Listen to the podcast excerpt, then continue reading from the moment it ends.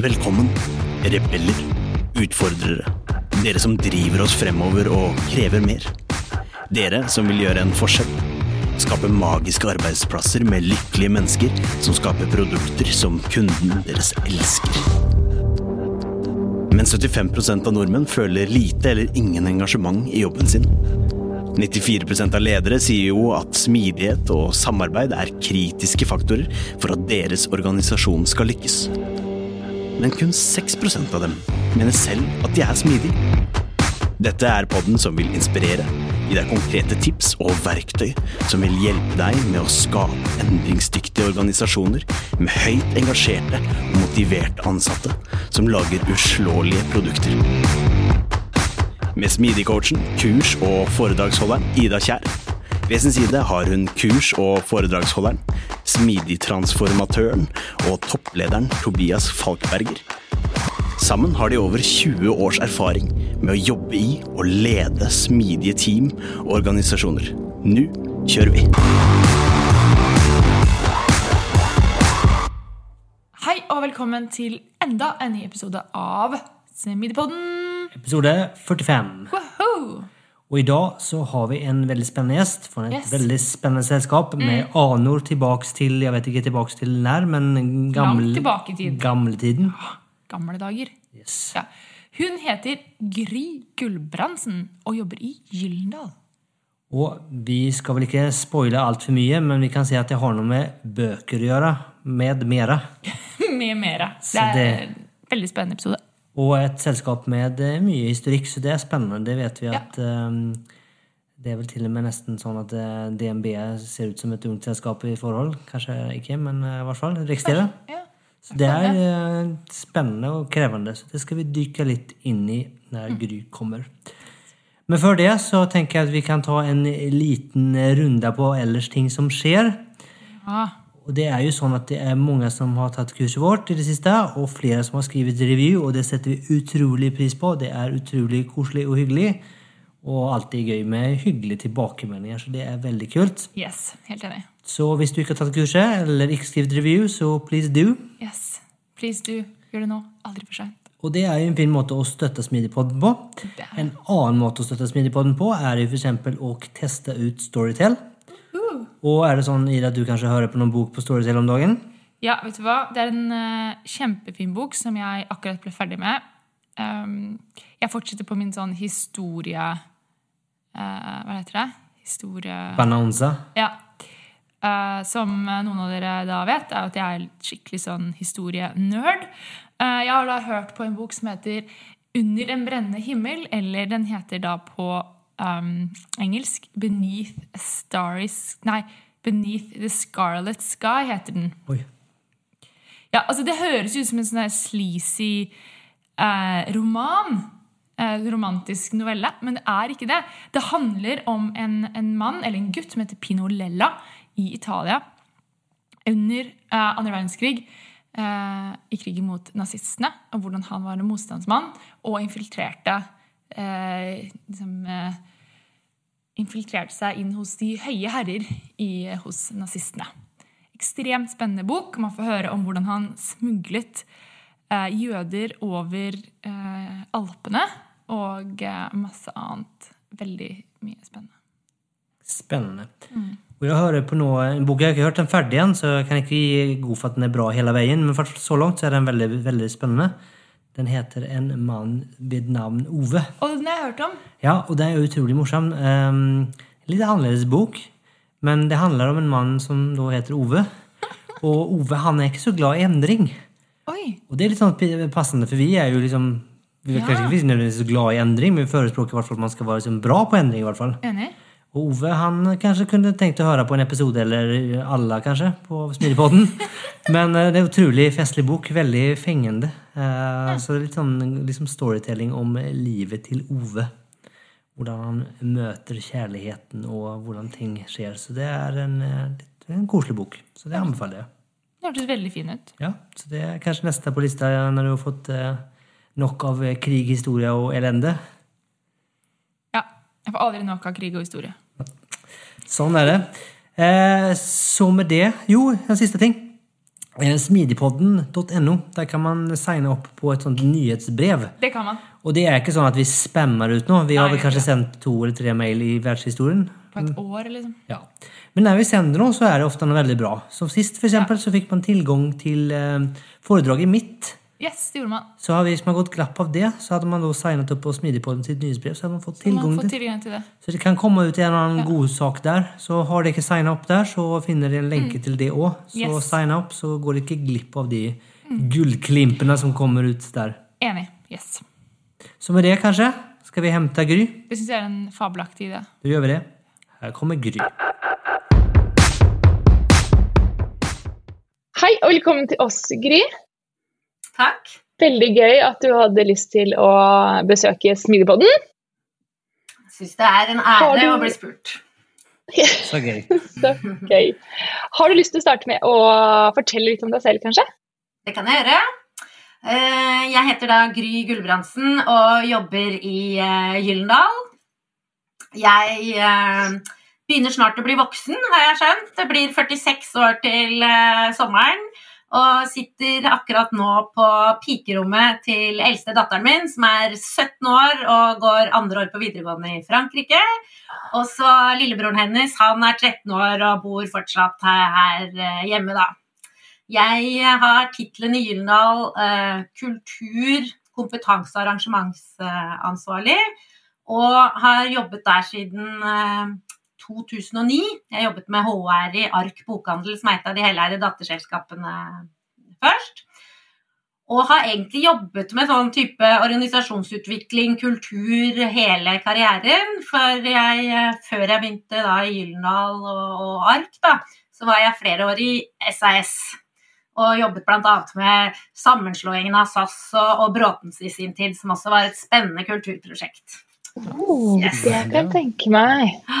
Så, så, sånn sett da, så er jeg da utdannet steward, air steward, som er sånn kokk ikke sant, på langruteflyvningene. Så jeg fløy på, på, på langrutene i, i gamle dager.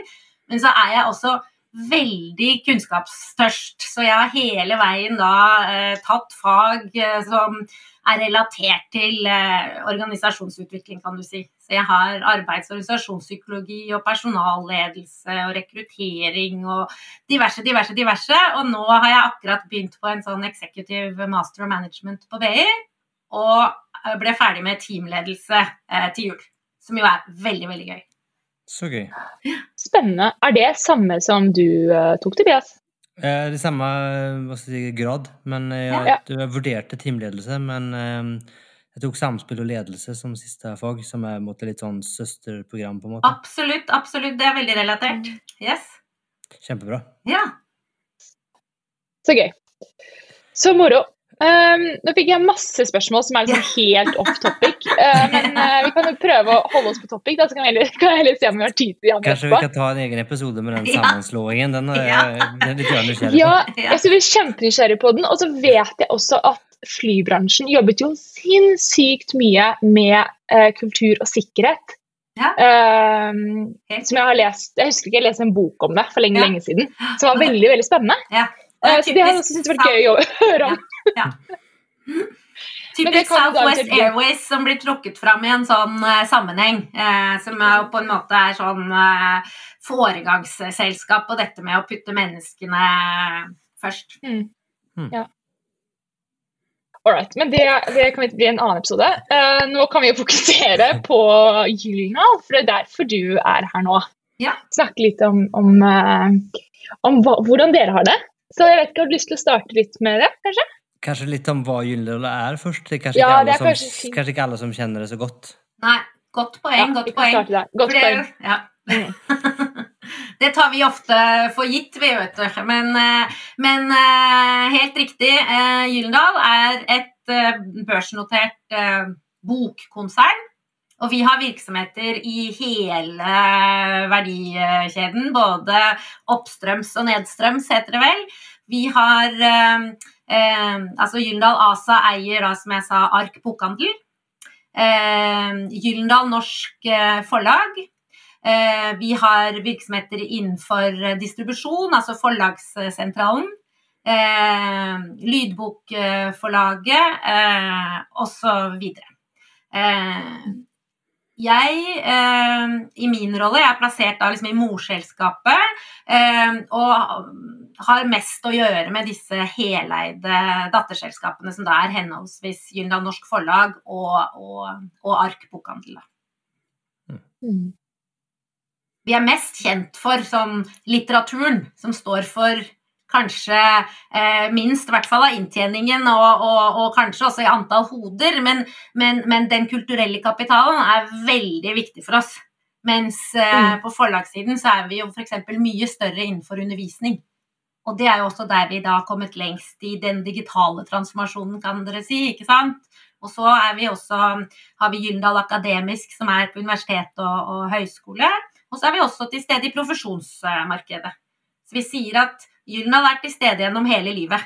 Fra du blir lest for som liten, og så gjennom eh, skolegang og høyere utdanning, og så stadig oftere også da i arbeidslivet. Mm. Mm. Oh, det er en organisasjon med ganske lang tradisjon, ikke sant? Det har funnits lenge? Helt riktig. Vi eh, har faktisk røtter helt tilbake til 1770, og mens vi var eh, under, eh, under, danskene. For Søren Gyllendal, da, som vi har navnet vårt etter, han, han etablerte Gyldendelske bokhandel nede i Klareboderen i København. Men rettighetene, og det er en litt sånn morsom ting, fordi rettighetene da til de fire store, som vi sier, da, eh, Bjørnstjerne Bjørnson, Henrik Ibsen Alexander Kielland og Jonas Lie, rettighetene til de fire kjøpte vi hjem eh, med pengene som Knut Hamsun fikk når han fikk eh, Nobelprisen i litteratur, og etablerte Gyldendal Norsk Forlag i 1925. Så med noen få år så kan vi ah. feire vårt 100-årsjubileum. Så siden eh, 25 ah. har vi vært, eh, vært, norsk. Men ja, snart 100 år. Smidig hundreåring.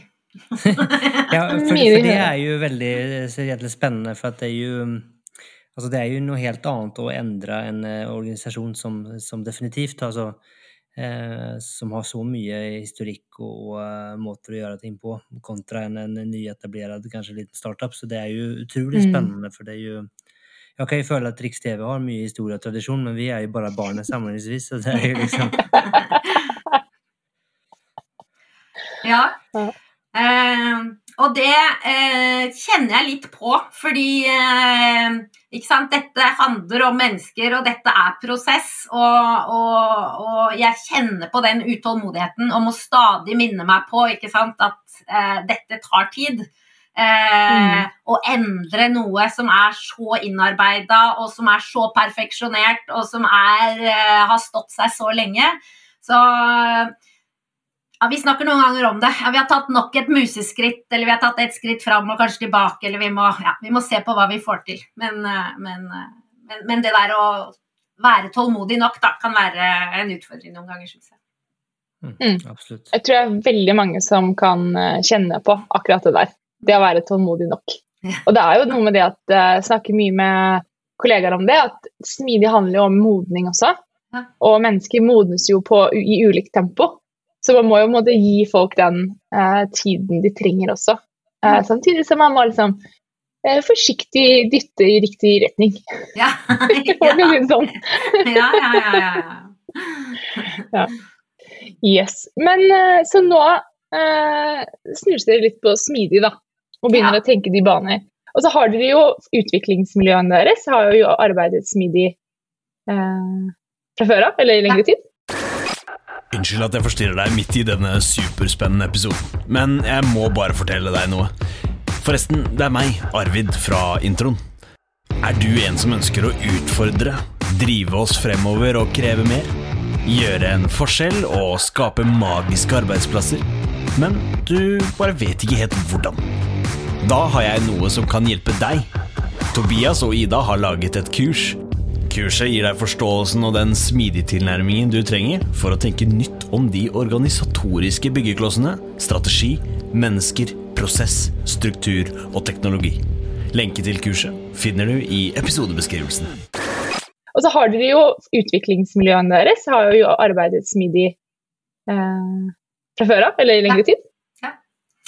Altså, eh, denne rike historien, så er det viktig å si at eh, det som har kjennetegnet eh, Gyllendal disse årene, det er å treffe på samfunnsånden. Altså når man kjøpte hjem disse rettighetene til de fire store, så var det eh, mens Norge holdt på å etablere seg som selvstendig nasjon, og debatten rundt språk gikk heftig her i landet. Det var viktig, sant? Da traff man på samfunnsånden, man var relevant. Vi fikk disse eh, klassikerne her, eh, eh, og parolen var norske, forfa nei, eh, jo, norske forfattere på norske forlag. Og så Ah. traff vi på de store utdanningsrevolusjonene, og eh, dette kan vi også spille inn en egen podkast på, men, men det som er kjennetegnet til historien vår, er denne evnen til å treffe på samfunnsånden og være relevant. Og i Mm. møte da med den tiden vi i hvert fall står i nå, som vi har gjort en stund, så eh, eh, blir jo vi også mer og mer en teknologibedrift som mange andre. Og det, er ikke, Mm. det begynte ikke i fjor, altså. Eh, Det, det er som du sier, ikke sant. Vi har, har eh, hatt et sterkt digitalt miljø hos oss lenge, og der har det vært eh, innslag av smidig på ulike måter. Eh, metodikk, mindset, eh, team, diverse. Eh, men for at vi skal sørge for at hele konsernet, eller virksomheten, fortsetter å treffe på tidsånden og være relevante, så må vi ta den smidige transformasjonen enda mer ut. ikke sant? Vi må eh, sørge for fornyelse og svare raskere og bli enda mer brukersentrerte og få opp innovasjonstakten og bla, bla, bla. ikke sant? Alt som ligger i det. Så det er det vi står litt sånn Mm. midt oppi. Mm. Men hva skal jeg si, säga, jag hoppar kanske men er det, er det en, hva skal jeg si, en etablert, Kjenner dere, kjenner hele organisasjonen på den nødvendigheten for endring? Eh, ja og nei. Eh, og så kan vi komme tilbake til litt sånn hva covid-19 har gjort og sånn. Eh, men, men jeg syns jo at eh, mye har blitt veldig mye tydeligere da, de siste tolv månedene på mange områder. Altså, du har liksom fått røyka ut liksom, grunnfjellet i kulturen noen steder, eller endringslysten, eller hvor langt noen har kommet, eller eh, lederes holdning og osv. Men, men vi kan snakke mer om det etterpå. Men, men eh, eh, det siste kapitlet da, i Gyllendals snart 100 år gamle historie eh, begynte vi i 2016. Eh, vi fikk ny eh, konsernsjef. Særdeles eh, visjonær. Eh, veldig god evne til på en måte å, å, å se litt dette som eh, kom til å treffe oss. Og eh, med han eh, ble det da eh, lagd en ny konsernstrategi som het Vi er Gyllendal. Og i 2016 så visste ikke jeg Jeg var ikke kjent med agile og smidig i det hele tatt. Men vi begynte allikevel en endringsprosess for å bygge da, den der kapasiteten. Og gjøre organisasjonen eh, klar, kan du si. Eller bygge burning platform, er det jo noen som sier. Altså Det vi i hvert fall gjorde, var å skape en del eh, møteplasser, sånn at man kunne bli kjent på kryss og tvers av virksomheten. Både liksom på menneskelig nivå, men også eh, få mer innsikt i hva Gyldendal gjorde som helhet. Eh, vi begynte å, å, å skape disse møteplassene for å bryte ned det som var siloene hos oss. Eh, noen av disse møteplassene ble også en mulighet for å eh, formidle på, på budskap, på retning. Så ja, vi begynte i 2016 med å på en måte massere inn og jobbe med kulturen da, for å gjøre oss klar for en større endring, kan du si. Mm. Og så har da dette med smidige verdier, tankesett, eh, prinsipper truffet oss eh, underveis, og det passer jo som hånd i hanske, ikke sant? Altså, eh, ja. Kult. Ja, for jeg tenker det er ofte Der jeg ser på modne organisasjoner, så har man jo du har så lang historikk av suksess. Eh, og, så du har et ganske høyt selvfortroende fra før, og du har jo lykkes med det. Så du liksom, ønsket eller behovet for endring er ikke så stort kontra Nei. en mer nyetablert selskap som kanskje er liksom, vad skal jeg si, født med endring, eller i endring, til og med. Mm. Mm. Eh, så er jo ofte det kanskje en, en, ganske, en ganske, stor utfordring Da, at man liksom ikke man ser ikke behovet for å endre seg. Det har jo fungert i flere hundre år, så hvorfor skulle vi liksom gjøre noe nytt nå, liksom? Samtidig så vil jeg jo si at Gyldendal er jo i en bransje som eh, for mange år siden som lenge har stått i en omstilling. I liksom midt i digitaliseringen. Eh, hvor de har liksom eh, gått Ja, hvor man går fra liksom fysiske bøker til mer og mer digitalisert. Mm. Også, også lydbøker, da. Mm. Ikke bare Kindle og sånn også, men lydbøker også. Så det kommer liksom helt uh, Ja, nå leser, jo bøker, nå leser jo folk bøker på en helt annen måte enn de bare gjorde for ti år siden. Ja, det har du helt rett i. Men, eh, men eh, Og vi var absolutt eh, tidlig ute, og, og jeg vil altså honnør til liksom det digitale miljøet hos oss, og de som har Mm. gått i front, og, og, og, de som har barn i norske skolen, har jo møtt på mm, flere av disse digitale tjenestene og produktene som vi er kjempestolte av, altså. Men, men, men hvis vi også skal være litt sånn selvkritiske, litt sånn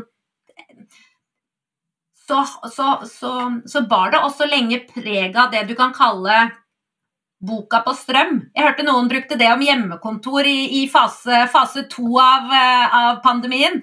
Kontoret på strøm. Altså eh, det der med å bare ta eh, produktutviklingen eller måten å lage skoleboka på, og så koble på strøm, ikke sant? og så den rekkefølgen på det, før man innser at eh, eh, ja, man må jobbe 360 grader, man må jobbe helt annerledes eh, for, for å få dette produktet ut.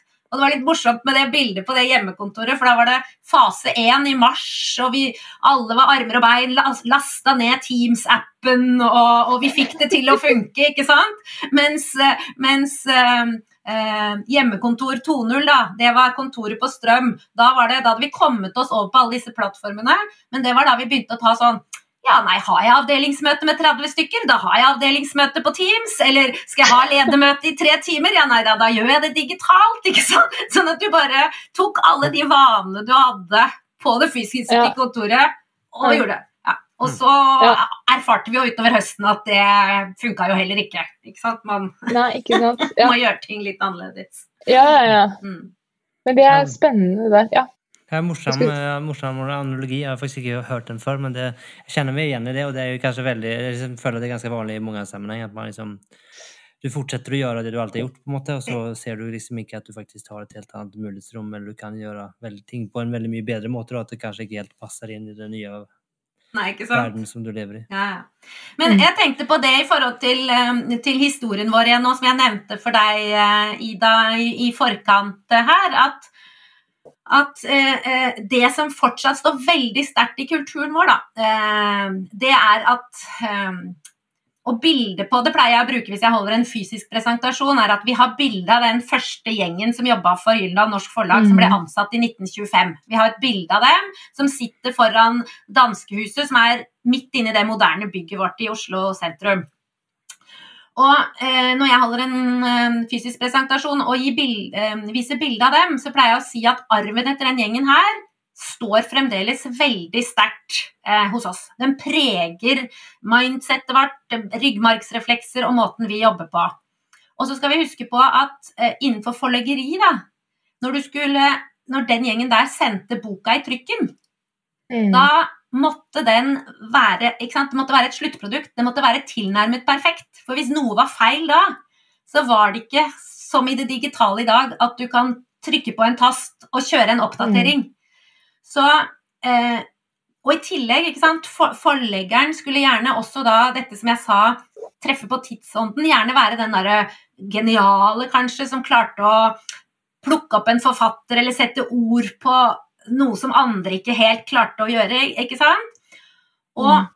og det der å ha den type teft da, i møte med testing og algoritmer og, og da, store data og ikke sant, bort fra gut feeling, mavefølelse, og i tillegg da slippe MVP-er og eksperimentere da når det du eh, søker den der perfeksjonismen, eh, det er, Mm.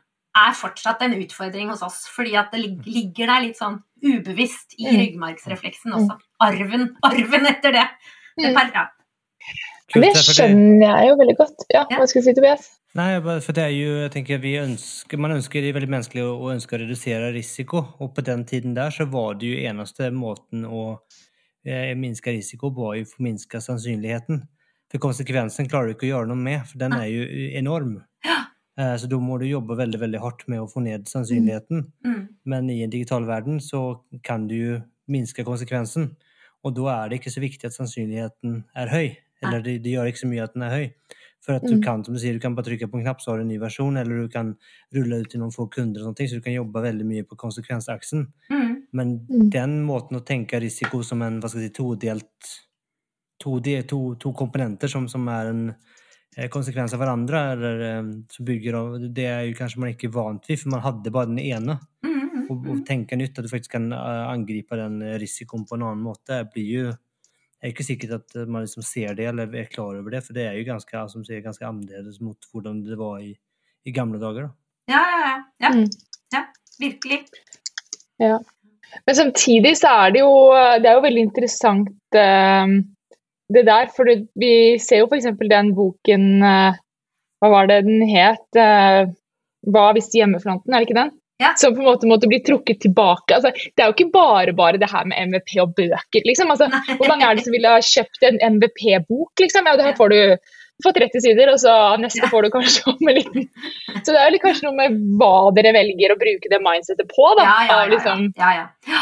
um, det har du helt, helt rett i, ikke sant? Eh, eh, hvor bruke det mindsetet. Eh, og, og, og vi har vært eh, også veldig tydelige på at det er ikke alle hos oss heller som skal jobbe i kryssfunksjonelle team. Det er ikke alle hos oss Mm. som skal drive med eh, eksperimentering, eller det er ikke alle områder. Alle virksomheter skal gjøre det, men man skal ha et veldig bevisst forhold til eh, ja, på hva, som Mm. du sier. da.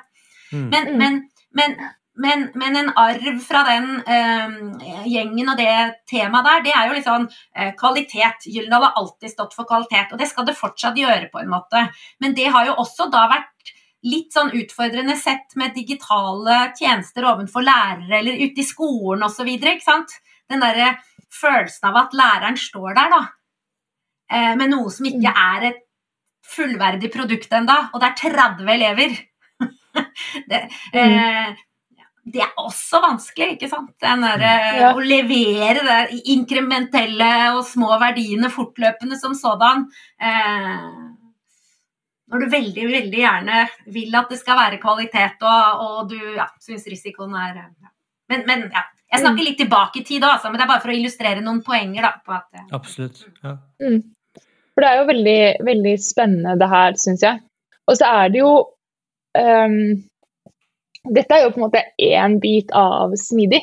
Men så har du jo på en måte den andre liksom, en- flere elementer av smidig også, som man fremdeles kan altså Som du sier, at ok, så er det kanskje noen miljøer som ikke skal være så eksperimentelle. og De skal ikke være så crazy, på en måte, men, men det er jo masse andre på en måte, smidige grunnprinsipper som man kan ta med seg allikevel. Eh, og det handler jo litt om å liksom finne hva er det som passer for Gyldenhall, og hva er det som passer for de ulike teamene dere har. da. Definitivt. Um, Definitivt. og liksom ikke bare Mhm. For det er det, det, er det Tobias, vi snakker mye om det når det kommer til smidig, det å liksom prøve å finne hva som passer for seg. da.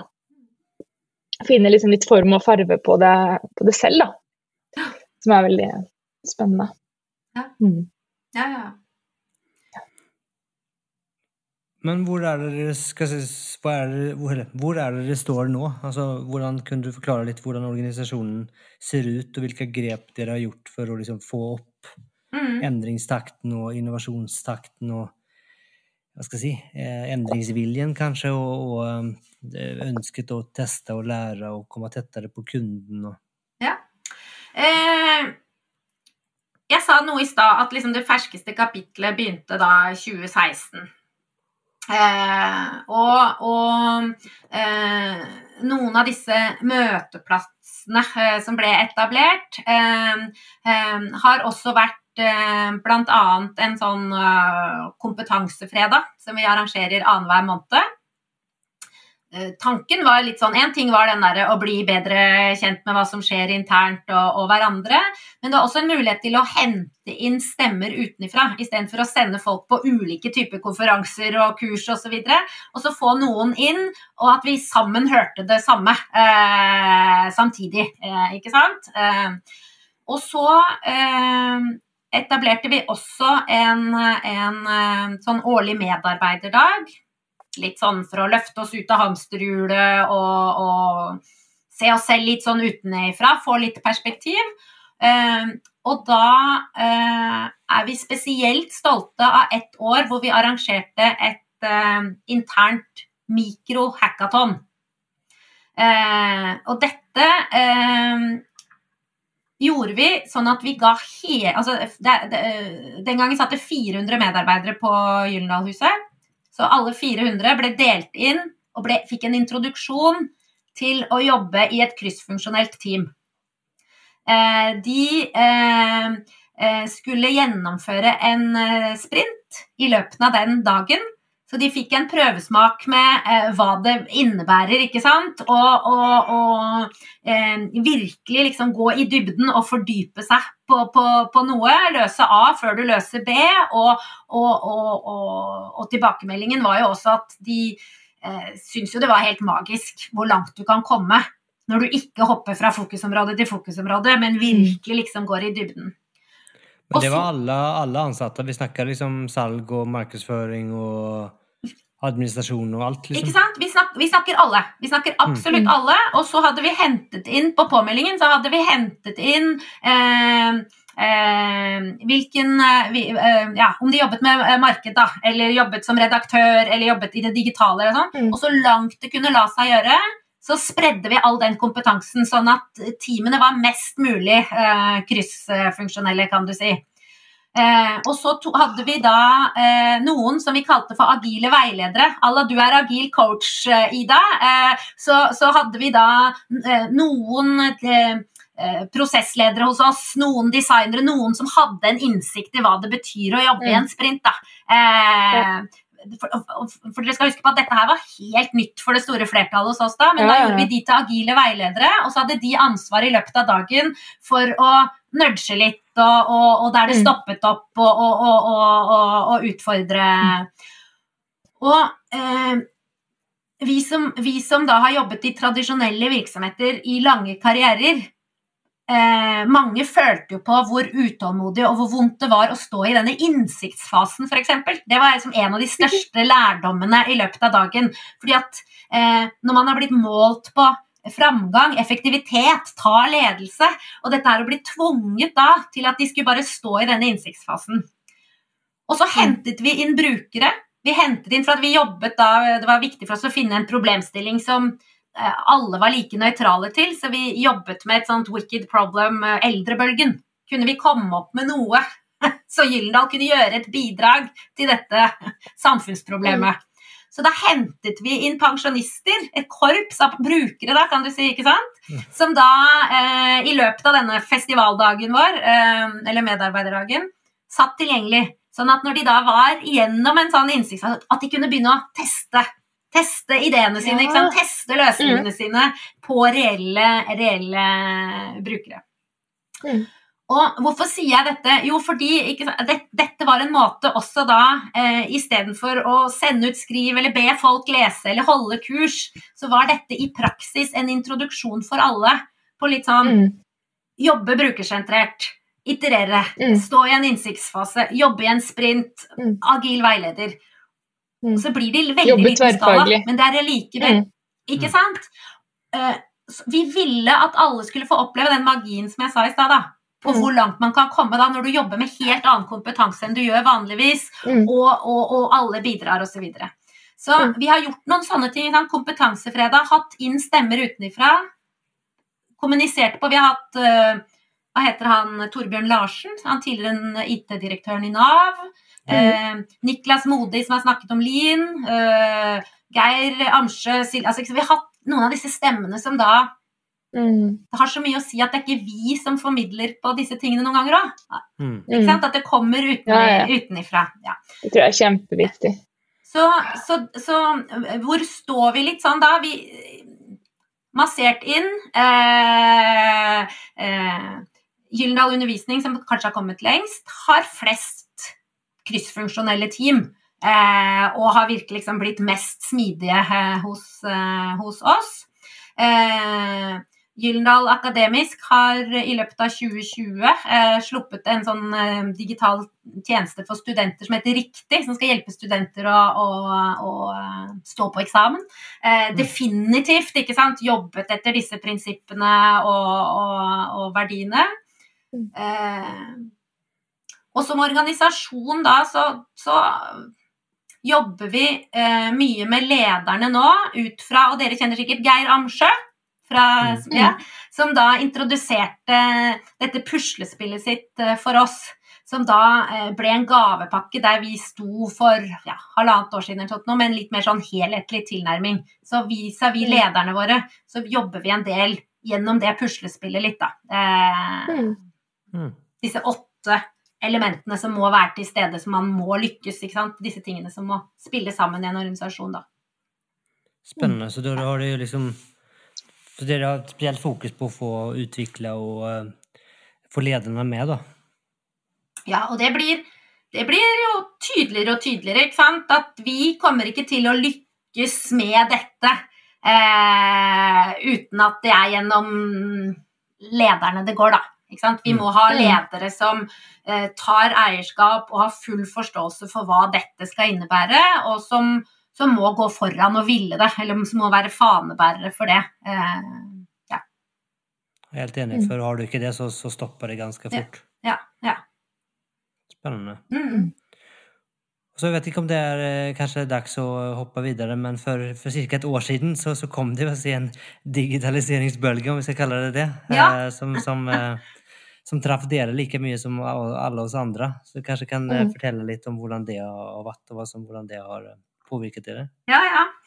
For, for, uh, for som jeg sier, da, ikke sant uh, uh, å se på hele organisasjonen og den smidige transformasjonen, så er vi ganske sånn ferske. Og jeg selv er jo, en sånn, er jo veldig fersk inn i dette feltet. Jeg føler, føler meg som sånn jeg har vært på sånn vekkelsesmøte, sånn nyfrelst, ikke sant? Sånn uh, halleluja. Uh, ja, ja.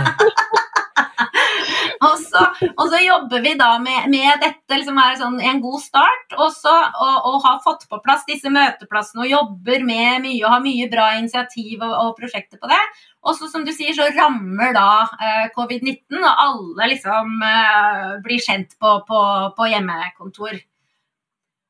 Og da kunne vi jo ha eh, fokusert på hva som ikke var mulig, eller, eh, eller eh, avlyst og, og, og, og, stoppet opp. Men så En av de møteplassene som jeg nevnte i stad, denne kompetansefredagen som vi arrangerer annenhver måned, Flaks skulle ha det til at det hele huset, alle på Gyldendalhuset, de 400, hadde det i kalenderen sin den første fredagen på hjemmekontor. Ikke sant? Da hadde alle hadde holdt av tid den første fredagen til kompetansefredag. Og det var noen stemmer da. ikke sant? Må, det, det, er jo ikke mulig, og nå må vi avlyse eh, den, den halve kursdagen, og det er mingling osv. Men så fikk vi heldigvis lov til å gønne på allikevel. Og eh, da var jo læringskurven bratt, for da vi er ikke vanligvis et TV-produksjonsselskap. TV men eh, vi hadde nå skyløsninger på plass, og alle hadde jo flytta inn i Teams, kan du si. Og i Teams, Microsoft Teams så er det jo denne live-event, eller direktesendt arrangement, hvor du kan mm. strømme ut til opptil 10 000. Ja. Så den lå der, og vi kastet oss rundt og, og, lagde da et program den første fredagen. Og da plutselig så kunne våre toppledere den første fredagen komme hjem i stua og nå ut til mm. alle 400.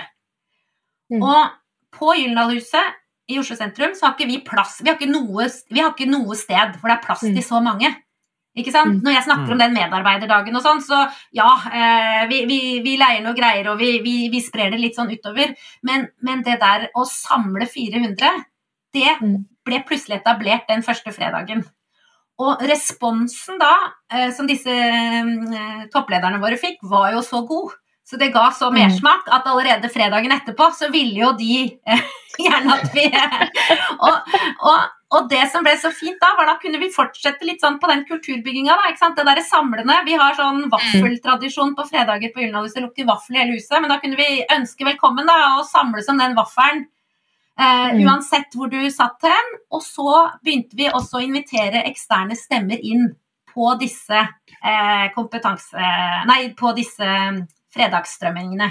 Vi kunne mm. fortelle om hvordan det gikk med medarbeiderne og kundene våre ute i ARK-butikkene. ikke sant? Vi kunne hente inn studenter, vi har hatt inn lærere, vi har hatt besøk av Espen Rops, altså Nakstad. Vi har hatt type eh, organisasjonspsykologer som har snakket om fjernledelse, og vi driver med trening. Og, ikke sant? Virkelig liksom sånn. Og poenget er at eh, ikke har vi plass til å samle så mange fysisk. Og det også liksom invitere til noe allmannamøte for å informere om noe, den terskelen er vanligvis ganske høy. Da føler du at du skal ha noe veldig viktig for å samle så mange eller ta tid. Men det vi har erfart nå, er at vi har etablert en veldig sånn lavterskelkanal. Så med en gang det skjer noe, da, sånn som du snakker om Marte Michelet-boka, eller Konkurransetilsynet kom på døra, eller eh, en best Altså hva som helst, så har du plutselig da denne mm. veldig go godt etablerte kanalen eh, til å mm. kommunisere og komme tett på medarbeiderne. Og også mm. da en syns jeg i hvert fall, en måte å være transparent på som ikke vi har hatt før heller. Mm.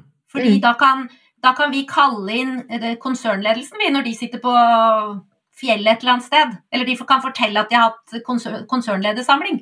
Eller nå var det styre... Mm. Den gangen det var lov å møtes, da. I perioder. Fordi det er ikke alt du kan skrive i lange mailer. Eller det er ikke alt du mm. liksom inviterer til sånn ja, Mm. Det er litt morsomt, for vi har faktisk akkurat det samme i Riks-TV. At vi, vi, begynte å ha allmøte på fredager mm. for å informere mye rundt, rundt koronaretningsregler og hjemmekontor og alt som skjedde. Men så har det jo bare, vi har jo nå i et år hatt allmøte, åpent allmøte for alle ansatte hver ja. eneste fredag. Ja. Der vi, der vi liksom, som du sier, liksom inviterer inn og forteller om hvordan ting går, og, og deler liksom eh, ja, mm. resultater og mål og retning og, og strategier ja. og alt som er. da. Ja. Eh, og det er som du sier, det har liksom Plutselig så er det en naturlig, helt mm. naturlig del av det. og det har Vi liksom ikke, mm. vi har alltid hatt en veldig åpen og inkluderende kultur, men det har liksom blitt på noe vis nesten enda enklere og enda mer av det gjennom der. Mm. Ja, jeg er helt, helt enig, altså. Eh, så, så, så, det har kommet for å bli hos oss. Vi erfarte etter hvert at hver fredag ble litt for hyppig for oss. da. Eh, det var også litt med vi som skulle tenke ut nytt program, og vi, ble liksom, vi skulle overgå hverandre hver gang og sånn. Så vi kjører annenhver annen fredag. Eh, men, men, har veldig god miks, altså. Eh, og syns det er morsomt å liksom treffe på aktualiteter eh, osv. Eh, men, men, men når jeg også da var eh, bevisst på å trekke fram dette med kunder i arkbutikken eller lærere, eller noe sånt, så er jo dette mm. i forhold til da å bli mer brukersentrerte. For at vi mm. jobber fortsatt litt med den kulturen at vi er veldig innadvendte og opptatt av oss sjøl og ikke sant, jobber med interne prosesser og sånn. Men dette er også en måte å liksom symbolisere på det. ikke sant? Sånn, mm. eh, brukerne er viktig for oss. Mm. Vi henter inn dem, får de inn i, i, skjermen. Og så er det også en annen ting, og det er at vi her kan løfte fram teamprestasjoner også. ikke sant? Sånn, for å virkelig liksom prøve å bygge på den kulturen òg. Mm. Uh. Mm. Kult. Fascinerende. Jeg synes dette her er en helt Jeg forstår ikke at ikke flere selskaper egentlig har gjort dette. Nå kan Det er mange selskaper der ute som, som gjør det her, men liksom se på de fordelene som digitalisering gir. da, Til det å liksom komme som du sier, da, komme inn i stuen til eh, medarbeiderne og liksom være til stede på en helt annen måte og nå ut. Og også ikke minst det å liksom vise gjennom handling transparens, eh, åpenhet, eh, interesse, eh, nestekjærlighet. Altså liksom, vise det gjennom denne type liksom um, arrangementer, eller hva du kaller det. da. Det tror jeg er så viktig at ledelsen gjør. For det syns jeg vår konsernsjef eh, og ikke minst kommunikasjonssjef, da, som har hjulpet til med mye eh, Budskapet har hele tiden vært, ikke sant, eh, hver av disse fredagene, at det, alt det vi gjør av eh, Om det er nye smittevernregler på huset, eller eh, leide inn fysioterapeuter for disse treningene, eller psyko han, han eller, eller, de da har vært så gode på å formidle det. Ikke sant? Det er Mm. eh, Vi ønsker uh, at de skal kunne ha det best mulig, og det er den omsorgen. Og Mm. virkelig også se på disse medarbeiderne hos oss som hele mennesker, da. Ikke sant? Dette jeg Mm. sa tidlig i episode, eller tidligere også. Uh, utover høsten vi plutselig begynte å skjønne at eh, vi må jo sende folk ut i sola. Vi må sende folk ut på ski. Vi må, ikke sant? Eh, lederne kunne sitte der foran. Vi liksom sa til kona ikke dra hjem fra hytta, sitt på hytta. Det er mye bedre signal at du kommuniserer derfra. Fortell at du har vært ute og gått. Eh, Mm. Fordi det ble mye høye skuldre, og, og, og ja. produktiviteten ikke sant, gikk jo bare til værs den første perioden. Og så Ja. var det noe med at ho, ho, vi må også tenke de gode tankene, eller vi må Ja, For Det er veldig interessant det du toucher på der, Gry. For det var jo veldig mange som var redde en periode for at folk skulle jobbe mindre.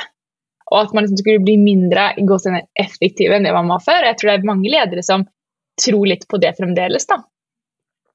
Og det er jo noe jeg også øh, syns var en av disse gavepakkene når, når covid-19 eh, rammet.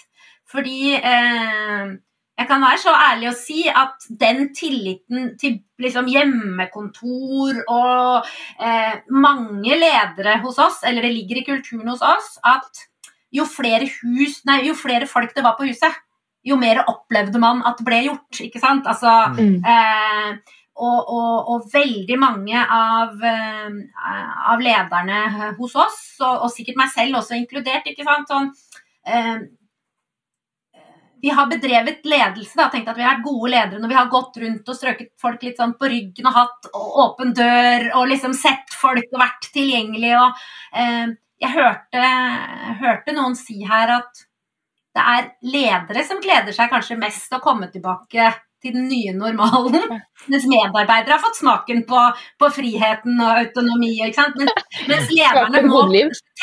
Ja, lederne må, ja, sånn som vi sier det, lederne må tenke helt nytt når de skal arrangere møter. og De må lede Mm. på et annet vis, og de må finne andre, andre ting som kanskje Mm. eh, har kommet seinere på dem. Men, men jeg Ja. så, så jo også at når våre folk ble sendt hjem da, våren i fjor, så var det akkurat som det ble helt sånn konkret for de lederne våre òg, at det Guri eh, De kunne jo ha den tilliten. Folk gjorde jo bare Mm. enda altså det, det, det ble helt sånn Folk Mm. har jo forelest, og du kunne lese, og du kunne stå og rope om dette her eh, før. Men, men det var jo når de liksom faktisk så det, og det ble så konkret at det De kommer aldri Mm. tilbake igjen dit. At ikke, tror jeg, da. At ikke de Mm. Er. Det du er inne på nå er kjempeinteressant. Dette med at det er kanskje lederne som gleder seg mest til å komme tilbake til kontoret, og ja. ikke medarbeiderne.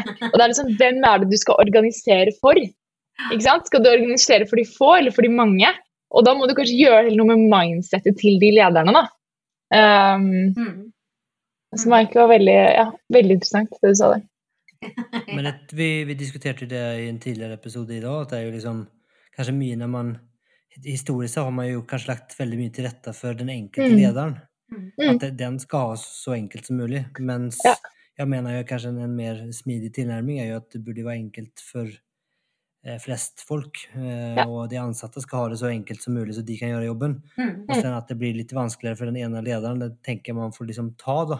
Det må man leve med. liksom- det må man leve med, og Ja. det er vel kanskje litt samme her òg. At det kanskje liksom man ser at hva, hva, er, hva er best for folk flest, da. Og at det er det som Mm. burde være riktig, da. Ja, ja, ja. Mm. ja. ja definitivt. Definitivt. Nei, Mm. og, og, og vi er også tilbake igjen til, ikke sant, for å lykkes med den smidigtransformasjonen vår, òg. det går gjennom mindsettet til lederne, og, og, og, eh, og, vi har jo også liksom ja, sett veldig tydelig nå også hvem som er mest modne på det, da. Det blir jo veldig tydelig Mm. i en sånn setting som vi har vært, ikke sant. Eh, Jeg sa vel også Nå, ja, nå må dere stoppe meg hvis jeg gjentar meg sjøl, men, men, men, men jeg så jo også at de som var raskest oppe å stå i våres når vi Mm. ble sendt hjem på kontor, det var de som hadde kommet lengst i god teamorganisering Eller som var mest uh, digitalt Eller hva skal jeg si smidig, Som var mest smidige, da. Uh, Mm. uh, de som hadde kommet lengst i god teamorganisering hos oss. ikke sant? Riktig størrelse. De var ikke for store. De hadde noen av disse rutinene, seremoniene, innarbeida. De hadde veldig klar rolleforståelse og, og, og felles mål. De var jo oppe og sto bare noen timer etterpå. Mens de som Mm. er minst eh, agile hos oss, da, som fortsatt Mm. baler med store, tradisjonelle eh, avdelinger du kan jo få sånn tilbakemelding at «Nei, det går ikke digitalt. Åh, Kan vi vær få komme tilbake snart? Fordi at jeg klarer ikke å kommunisere med 30 stykker på skjermen. Og sånn, ja, men du skal ikke drive og kommunisere med 30 stykker igjen og igjen på skjermen. Du må dele opp i mindre enheter. Og eh, eh, jeg lurer også på at det er mye større sjanse for at du blir utbrent eller mister motivasjonen hvis rollen din i forhold til målet ikke er klart. ikke sant? Altså Jeg sitter her og Mm. gjør rutinejobb og leverer og leverer, og det er et eller annet mål på slutten av året for avdelingen i et eller annet budsjett. Men i forhold til da de som er gode team da, med riktig størrelse, Mm. og som har eierskap til det felles formålet og oppgavene de skal gjøre, og holder hverandre gjensidig avhengig, da spiller det ikke så stor rolle om det er eh, Mm. Det er spennende. Vi, hadde, vi hadde en episode for et år siden i det. Och da vi liksom rett i i det her traff oss. og jeg kom jo med en påstand at jeg mener at det her kommer forsterke det som er. Så er det fungerende, så kommer det bli mer fungerende. Er det Ja. icke-fungerande så kommer det bli mindre fungerende ennå. Mm. Og er du en god leder, så kommer du bli liksom en bedre leder. Er du en dårlig leder, så kommer altså, Ja. du får en, som en förstärkande Mm. effekt utav det. Og det, det høres ut som at dere kan se det òg, da. Det er litt spennende. Mm. da, At Ja, det som er ja. Mm. ja jeg jeg mener personlig at man kan se det. mm. Det du sier, Gry, med, at, eh, med størrelse på team, syns jeg er veldig interessant. Det er noe jeg kjenner mye på som, uh, som smittecoach. Og eh, rundt dette med at eh, ja, men nå vi må Det blir så bra å komme tilbake på kontoret. Eh, da, litt den der du sier at da kan vi snakke med alle og sånn. Mm. Så sånn, ja, men, men teamet er kanskje for stort i utgangspunktet. Ja. Eh, og da er det noe med det at vi faktisk på en måte setter plaster og prøver å medisinere symptomer, men ikke sykdommen, da. Ehm, hvordan er det den svenske sangen går, Tobias? Kriminalisere symptomer mens sykdommen består. Ja. ja, ja, ja. Nettopp. Uh, og det er jo kanskje noe ikke så veldig mange har tenkt over akkurat det der, da. Som kan være en litt sånn food for thought for de som lytter, tror jeg. Mm. Rundt eh, teamstørrelse og uh, jobbe digitalt. Mm. Men også det du sa med mål, og det å faktisk ha en purpose i det du gjør hver dag. Mm. Det er kanskje enda viktigere når du sitter hjemme på hjemmekontor alene. Ja. Ja, ja, ja, ja. Virkelig, altså. Og den der motivasjonen at du, at du føler at du har fremgang for noe som er viktig for deg. ikke sant? At du føler at du beveger deg for noe som da øh, ja, øh, Tettere på Mm. det målet, det du skal oppnå. Uh, Mm. Det tror jeg helt, helt sikkert. Men jeg ser også da i forhold til eh, eh, hos oss hvor vi skal prøve å bli mer smidige, så er det så mye lettere å si, ikke sant. Eh, Ja ja, mer teamorganisering. Det er liksom en nøkkel. Kryssfunksjonelle team. Men, men eh, eh, jeg vil påstå at vi bør bli bedre og ha et mer bevisst forhold til hvordan vi eh, setter opp disse teamene for å få det beste ut av dem òg. Det er så mye lettere å si Mm. teamorganisering og så, tro at vi lykkes med det, eller at de skal klare å prestere. Men det med størrelse, som du sier, ikke sant eh, eh, Det må være mer enn to, da. Men det skal ikke være mer enn sju, kanskje. Hvis disse virkelig skal klare å holde hverandre gjensidig avhengig Mm. og klare konstruktivt å kom kommunisere og ta eierskap til ja, hvorfor er vi til som gruppe, og Mm. hva skal vi levere? For med en gang du går Mm. over syv da, ikke sant, så, så klarer ikke alle å øh, ja, bidra like mye og, og få den opplevelsen til at det er, er sitt, da. Mm. Mm. Jeg er veldig veldig enig. um, En kollega til meg han eh, kom med påstand som eh, falt litt i god jord for meg. Han sa at organisering er en krykke. Å ja. Og det er litt, det er litt tilbake til liksom, det Ida sa, at du kan Altså, organisering er ofte liksom et, eh, et virkemiddel, eller eh, du prøver, du har noen, noen utfordringer, og så er det en måte å løse symptomene. Men det som er underliggende, er kanskje at man ikke jobber godt sammen, eller man har ikke felles mål, eller man kjenner ikke hverandre. Mm. Og så måten man løser det på klassisk, det er jo organisering. Man Ja. tvinger Mm. folk gjennom organiseringen til å samhandle. Ja. Men du Mm. kan jo faktisk oppnå den type samhandling uten at nødvendigvis endre organiseringen. Da. Mm. Mm. Eh, og det er jo veldig interessant å tenke på hvordan kan vi få til eh, samhandling og synergier, og, og eh, at ting skjer på tvers uten at vi nødvendigvis trenger å organisere oss. Jeg kan jo mene at det kanskje har gått litt inflasjon i den i, i smidig at man som, det er liksom, team er den hammeren man har, og så slår man det på, på alt Mm. som er. Og det er ikke sikkert at det, det er riktig, og det er ikke sikkert heller at Mm. For det er jo, altså, skal du ha et tverrfaglig team, så tenker jeg da kreves det jo at du har veldig mye eh, kompetanse som du kan spre ut. da. Eh, Mm. Det er jo ikke sikkert at du har som et lite selskap, eh, men det, det, er heller, det kan jo være sånn at du faktisk Noen ganger så er det kanskje mer viktig å ha et sterkt fagmiljø, at det er den primære organiseringen, og at eh, flytet er kanskje ikke like viktig. Litt beroende på som du var inne på, hva du jobber med, og hvilken mm. del. og Noen steder er kanskje ikke endringstakten så høy heller. Nei. Eh, så du kanskje ikke har behov for å ha den flyteoptimaliseringen heller. da. Nei, ikke sant. Eh, Jeg nevnte jo at jeg tok jo team, teamledelse i fjor, og, og noe av det som jeg tar med meg litt sånn tydeligst derfra, det er sånn bevisstheten på forskjellen mellom en arbeidsgruppe, som jo for, vi fortsatt skal Mm. ha. Vi skal jo fortsatt ha arbeidsgrupper som eh, ja, slags avdelinger eller eh, Og som vi kan få til å fungere bra. Men, men, men, men andre ting, mer komplekse ting, så bør vi heller organisere dem eh, som et team. Eh, og, Mm. og, og det som skiller arbeidsgruppa og teamet, er jo den derre gjensidig avhengig. Altså, Mm. bildet som ble veldig tydelig for meg på det med den arbeidsgruppa, er den der gjengen som står og graver et hull. Altså, Mister du to medarbeidere da, så får du fortsatt gravd det hullet.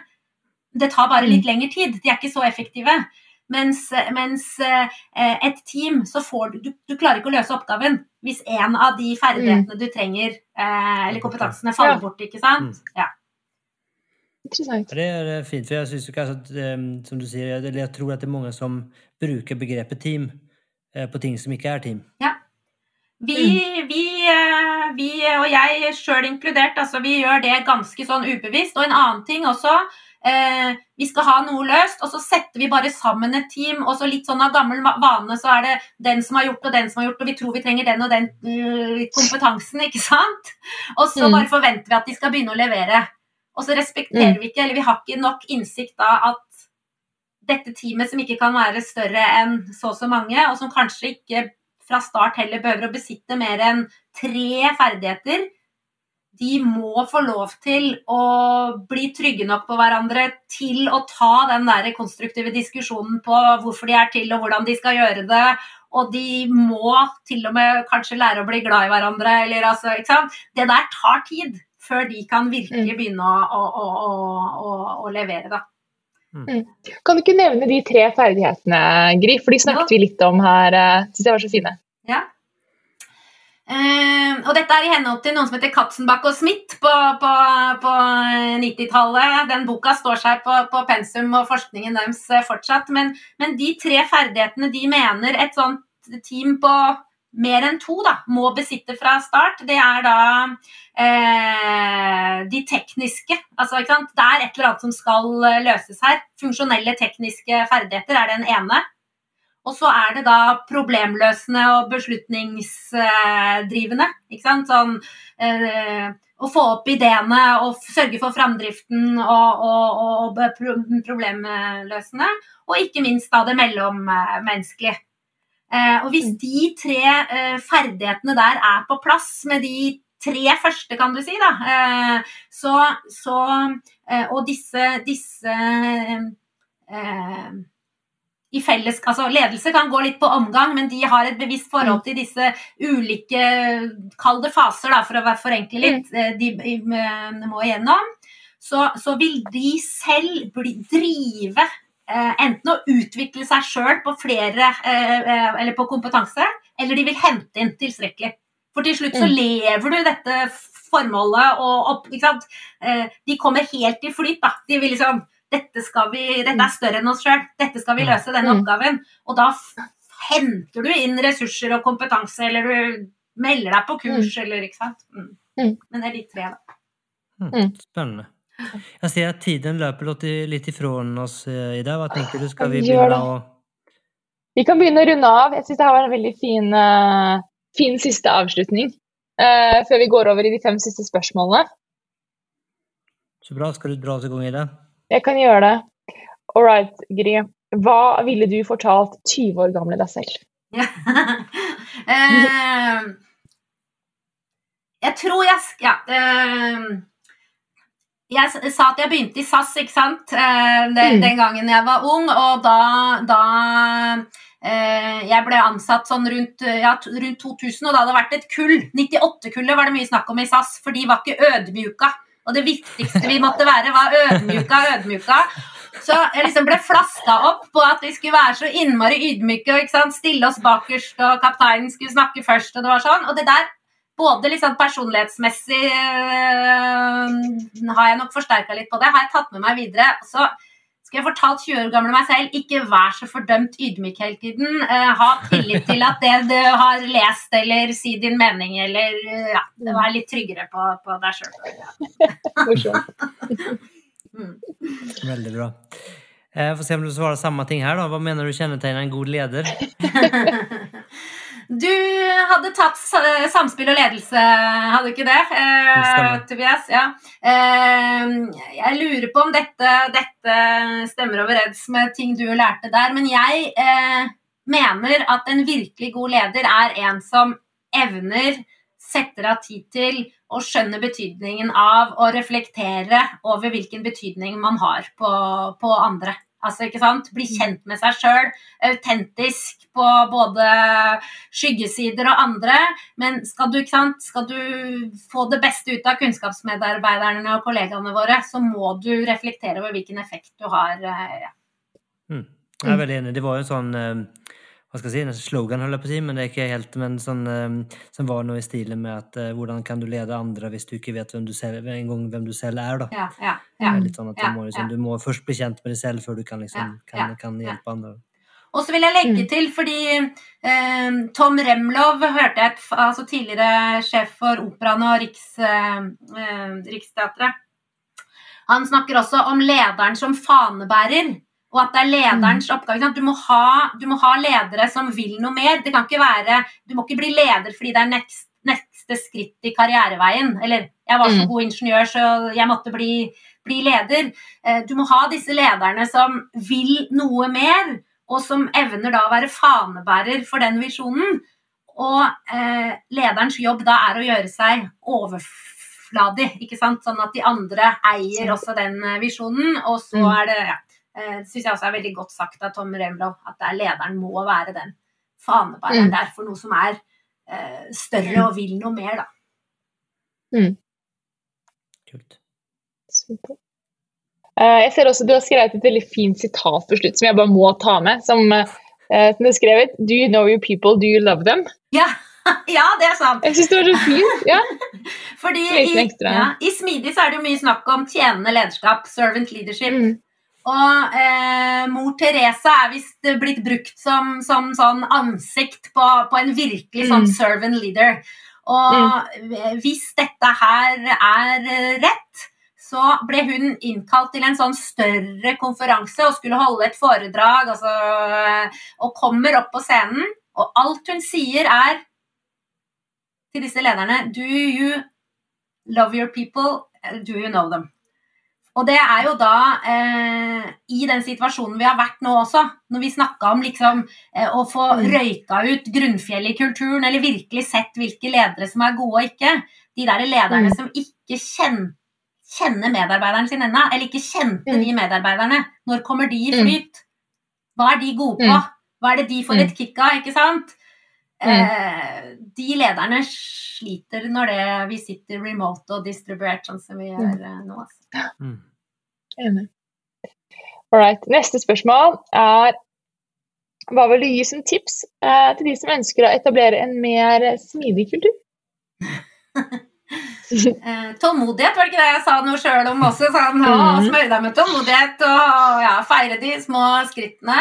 Men, eh, Mm. men eh, åpenbart, og sikkert andre som også har sagt det, må sørge for at det beslutningstakerne og topplederne faktisk eh, skjønner hva det innebærer. Ikke sant? Mm. Du kan ikke si 'gi slipp' fordi Rune Bjerke sier 'gi slipp'. Du kan ikke si mer eh, teamorganisering hvis du ikke ikke sant? Du må Mm. eh, virkelig, virkelig Det begynner, begynner med det at noen må ville eh, den endringen og forstå hva det faktisk eh, innebærer. Eh, og så i andre enden så har vi hatt eh, Vi syns vi er også får god hjelp av at vi på en måte har investert i disse ja, møteplassene og lekt oss litt med hackathon og eksperimentert litt på, på former og sånn. Ja. Spennende. Så kommer det et spørsmål her som tenker passer veldig fint om man kommer fra uh, bokbransjen, uh, forlagsbransjen. Har du noen, Ja. noen bøker og noen lydbøker eller podkast du ønsker å anbefale? Ja. Eh, det som, eh, det som når jeg var helt fersk inn i dette med agile og smidig, og jeg husker vi skulle beise her ute på sommeren, så kom jeg helt tilfeldig over eh, en episode eh, av en podkastserie som heter Being, Being Human. Jeg tror ikke kvalitet nødvendigvis er så veldig bra, men det var altså eh, Eller det vet jeg ikke, eh, men, men det var ett intervju jeg kom over med han Joshua Krevski, som da introduserte meg for fake agile. Og det var akkurat det vi da sto, sto i. Vi skulle jobbe vi skulle jobbe scrum, og jeg husker ikke hva vi skulle levere, og vi skulle ha daglig standup, og det var ikke sant eh, Jeg hadde ikke skjønt noe av eh, Jeg hadde ikke hørt om at det var et verdisett i bunnen engang, eller det agile manifest, eller whatever.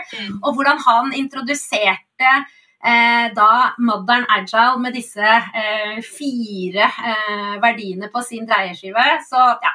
Being Human, intervjuet med Joshua Kevriowski, det er gammelt nytt for mange av dere, men det var virkelig en sånn Mm. så enkelt forklart, da. Og veldig sånn pedagogisk som jeg også kunne dele med andre i vår virksomhet. Så det var den ene. Mm. Og, så, og så har jeg Smidigpodden. Har jeg faktisk også gått til i den reisen, så jeg er veldig hyggelig. ydmyk og, og syns jo Ja, veldig stas og veldig skummelt at dere inviterer meg, egentlig, som da liksom er i begynnelsen av denne reisen, og bruker Var, var, dere. var, det, var det skummelt, da? Nei, nå, nå syns jeg ikke det, altså. Nei, så bra. Så bra. Skumleste nå er å skulle høre på opptaket, men det. Og når det gjelder bok, når det gjelder bok, så er det denne av danske Helle Hedegaard Hein. Og eh, skal ikke si mye om den, men, men disse høyt spesialiserte kunnskapsmedarbeiderne som vi skal ha i disse teamene, og som vi alle er helt avhengig av å bli kjent med for å lykkes med alt vi skal få til. Hun deler dem inn i, i ulike sånne arketyper. Og Mm. skal vi lede, og det skal vi jo Den heter Primadonna-ledelse. Helle Hedegaard Heim fra eh, København Business eh, School. Og eh, poenget er at eh, vi har ulike motivasjonsprofiler, og vi krever Altså som leder så må du møte alle disse på helt eh, ulike måter. Er er det en foreleser du hadde i det, eller? Det var ikke det. Jeg prøvde, nå googlet jeg henne kjapt her jeg satt. Jeg måtte gjøre det. I- Ida bodde i fem år i København, så Ja. jeg studerte på Ja, Jeg gikk på CMS. Nei, så hun hadde jeg ikke som foreleser. Søren heller. Det hadde vært kjempespennende. Den er på dansk, så Da går det Da går det bra.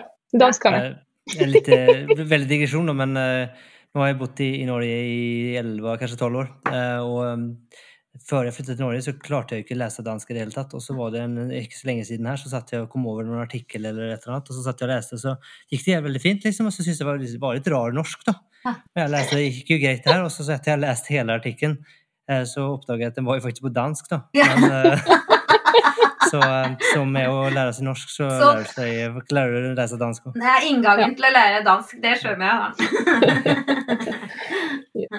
Hvis man vil komme i kontakt med deg, Gry, hva gjør man da? Eh, Jeg er jo treffer på gry.gulbrandsen at gyldendal.no og Gry Gulbrandsen på, på LinkedIn. Strålende. Ja, ja, ja. Toppers, da linker vi til det, og så linker vi til boken din og litt podkast også, så blir det bra. Ok. Toppers, da må vi bare si tusen takk for at du ville komme til oss. Er jeg som takker. Jeg syns det var veldig ja, som jeg sa, stas å spørre. Og vært veldig hyggelig å snakke med dere. Og også lærerikt å høre på dere, altså. Ja, Takk, takk. Likeså.